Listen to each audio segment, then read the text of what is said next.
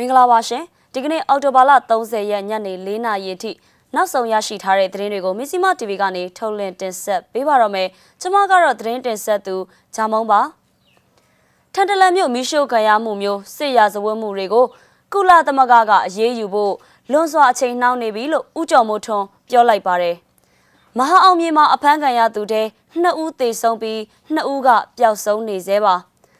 ကျွန်းလ NLD ရုံးမီးရှို့ဖျက်ဆီးခံခဲ့ရပါတယ်။ဒီသတင်းတွေနဲ့အတူမြန်မာပြည်ကိုကယ်တင်ရေးစစ်ကောင်စီကိုငွေမပေးခေါင်းစဉ်နဲ့ရန်ကုန်မြို့တပိတ်စစ်ကြောင်းမြင်ကွင်းကိုလည်းရှုစားရမှာပါ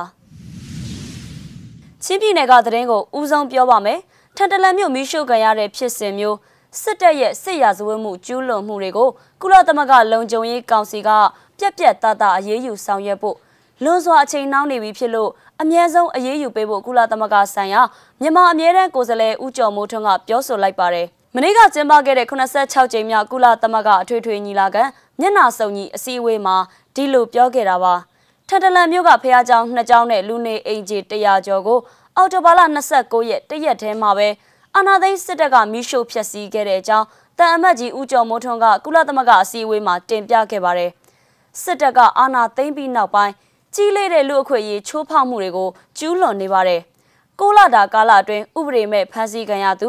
9000ကျော်နဲ့တပ်ဖြတ်ခံရသူ1200ကျော်ရှိခဲ့တဲ့အကြောင်းသူကဆိုပါတယ်။မြန်မာနိုင်ငံအနောက်ပိုင်းမှာစစ်တပ်ကနေမြေရှင်းလင်းတာတွေဆောင်ရွက်နေပြီးအစုလိုက်အပြုံလိုက်တပ်ဖြတ်မှုတွေကြောင့်လူပေါင်း80ကျော်တေဆုံးခဲ့ရပြီးပြီလို့လည်းဥကြုံမိုးထွန်းကကုလသမဂ္ဂအစည်းအဝေးမှာပြောကြားခဲ့ပါတယ်။ပြည်သူတွေကြုံတွေ့နေရတဲ့စစ်တပ်ရဲ့ရက်ဆက်ကြမ်းကြုတ်မှုတွေကနေကာကွယ်ဖို့ နိုင်ငံတကာရဲ့အလေးနဲ့အာရုံစိုက်မှုနဲ့အရေးယူဆောင်ရွက်မှုတွေကိုအမြန်ဆုံးပြုလုပ်ဖို့လိုအပ်တယ်လို့တိုက်တွန်းပြောဆိုခဲ့ပါတယ်။အော်တိုဘာလ29ရက်မနက်ပိုင်းကစပြီးထန်တလန်မြို့ပေါ်မှာ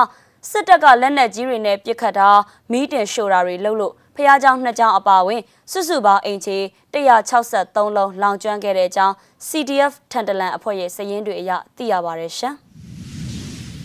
မန္တလေးမဟာအောင်မြေမြို့နယ်မှာဖြစ်ပွားခဲ့တဲ့အပြစ်မဲ့ပြည်သူ၄ဦးဖမ်းဆီးခံရမှုဖြစ်စဉ်မှာ2ဦးအသက်ခံလိုက်ရပြီးနောက်ထပ်2ဦးကသတင်းမရပဲပျောက်ဆုံးနေပါတယ်။တန်လျက်မော်အရှိရက်ကွက်မှာအောက်တိုဘာလ29ရက်နေ့ညကလန်ဒန်ဝင်းအကွက်မူဟောင်းဦးကျော်ထေးအောင်ဦးစန်းလွင်နဲ့ကိုမိုးကြီးအပေါင်ဆိုင်က2ဦးတို့ကိုပြည်သူ့ကာကွယ်ရေးတပ် PDF ကိုထောက်ပံ့တယ်လို့ဆွဆွဲပြီးဖမ်းဆီးသွားတာဖြစ်ပါတယ်။အဲ့ဒီနောက်ဦးကျော်ထေးအောင်နဲ့ဦးစန်းလွင်တို့တေဆုံးမှုဖြစ်လာခဲ့တာပါ။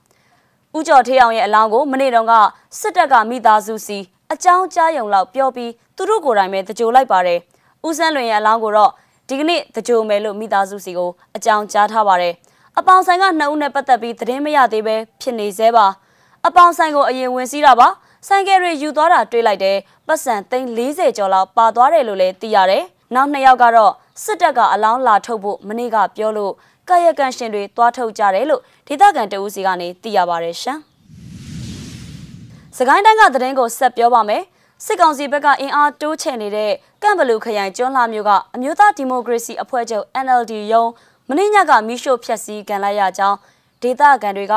AOD သတင်းဌာနကိုပြောပါတယ်ည12နာရီဝန်းကျင်လောက်ကစလောင်တာဖြစ်ပြီး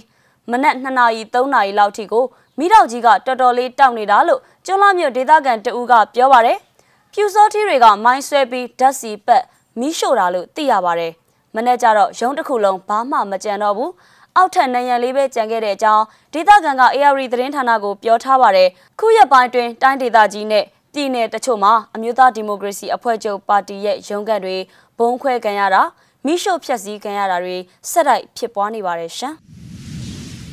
မြမပြည်ကိုကယ်တင်ရေးစစ်ကောင်စီကိုငွေမပေးကောင်းစင်နဲ့ဒီကနေ့မနက်ပိုင်းရန်ကုန်မြို့တနေရာမှာဆီယနာရှင်စန့်ကျင်ရေးချီတက်ဆန္ဒပြခဲ့ကြပါတယ်။တက္ကသိုလ်ကျောင်းသားများတမက LGBT အဖွဲ့မြို့နယ်တပိတ်ကော်မတီတွေနဲ့အလုတ်သမားမဟာမိတ်အဖွဲ့တွေပူးပေါင်းပြီးစစ်ကောင်စီကိုထောက်ပံ့ပေးနေတဲ့တောက်တိုင်မှန်သမျှကိုငွေမပေးရေးအတွက်ပြည်သူလူထုကိုလှုပ်ဆော်ဆန္ဒပြခဲ့ကြတာပါ။စေအုပ်စုကငွေကြေးအထောက်ပံ့ပေးနေတဲ့ရေနံနဲ့သဘာဝဓာတ်ငွေကုမ္ပဏီတွေကို ဖိအားပေးတောင်းဆိုမှုတွေပြုလုပ်ဖို့အော်တိုဘာလ30နဲ့31ရက်နေ့တွေမှာ social media ကတဆင့် blood money သွေးစွန်းငွေကမ်ပိန်းမှာပါဝင်ကြဖို့အတွက်လည်းတိုက်တွန်းထားကြပါရတယ်။ဒီကနေ့ရဲ့ဆန္ဒပြရုပ်သံမြင်ကွင်းကိုလည်းရှုစားလိုက်ရအောင်ပါ။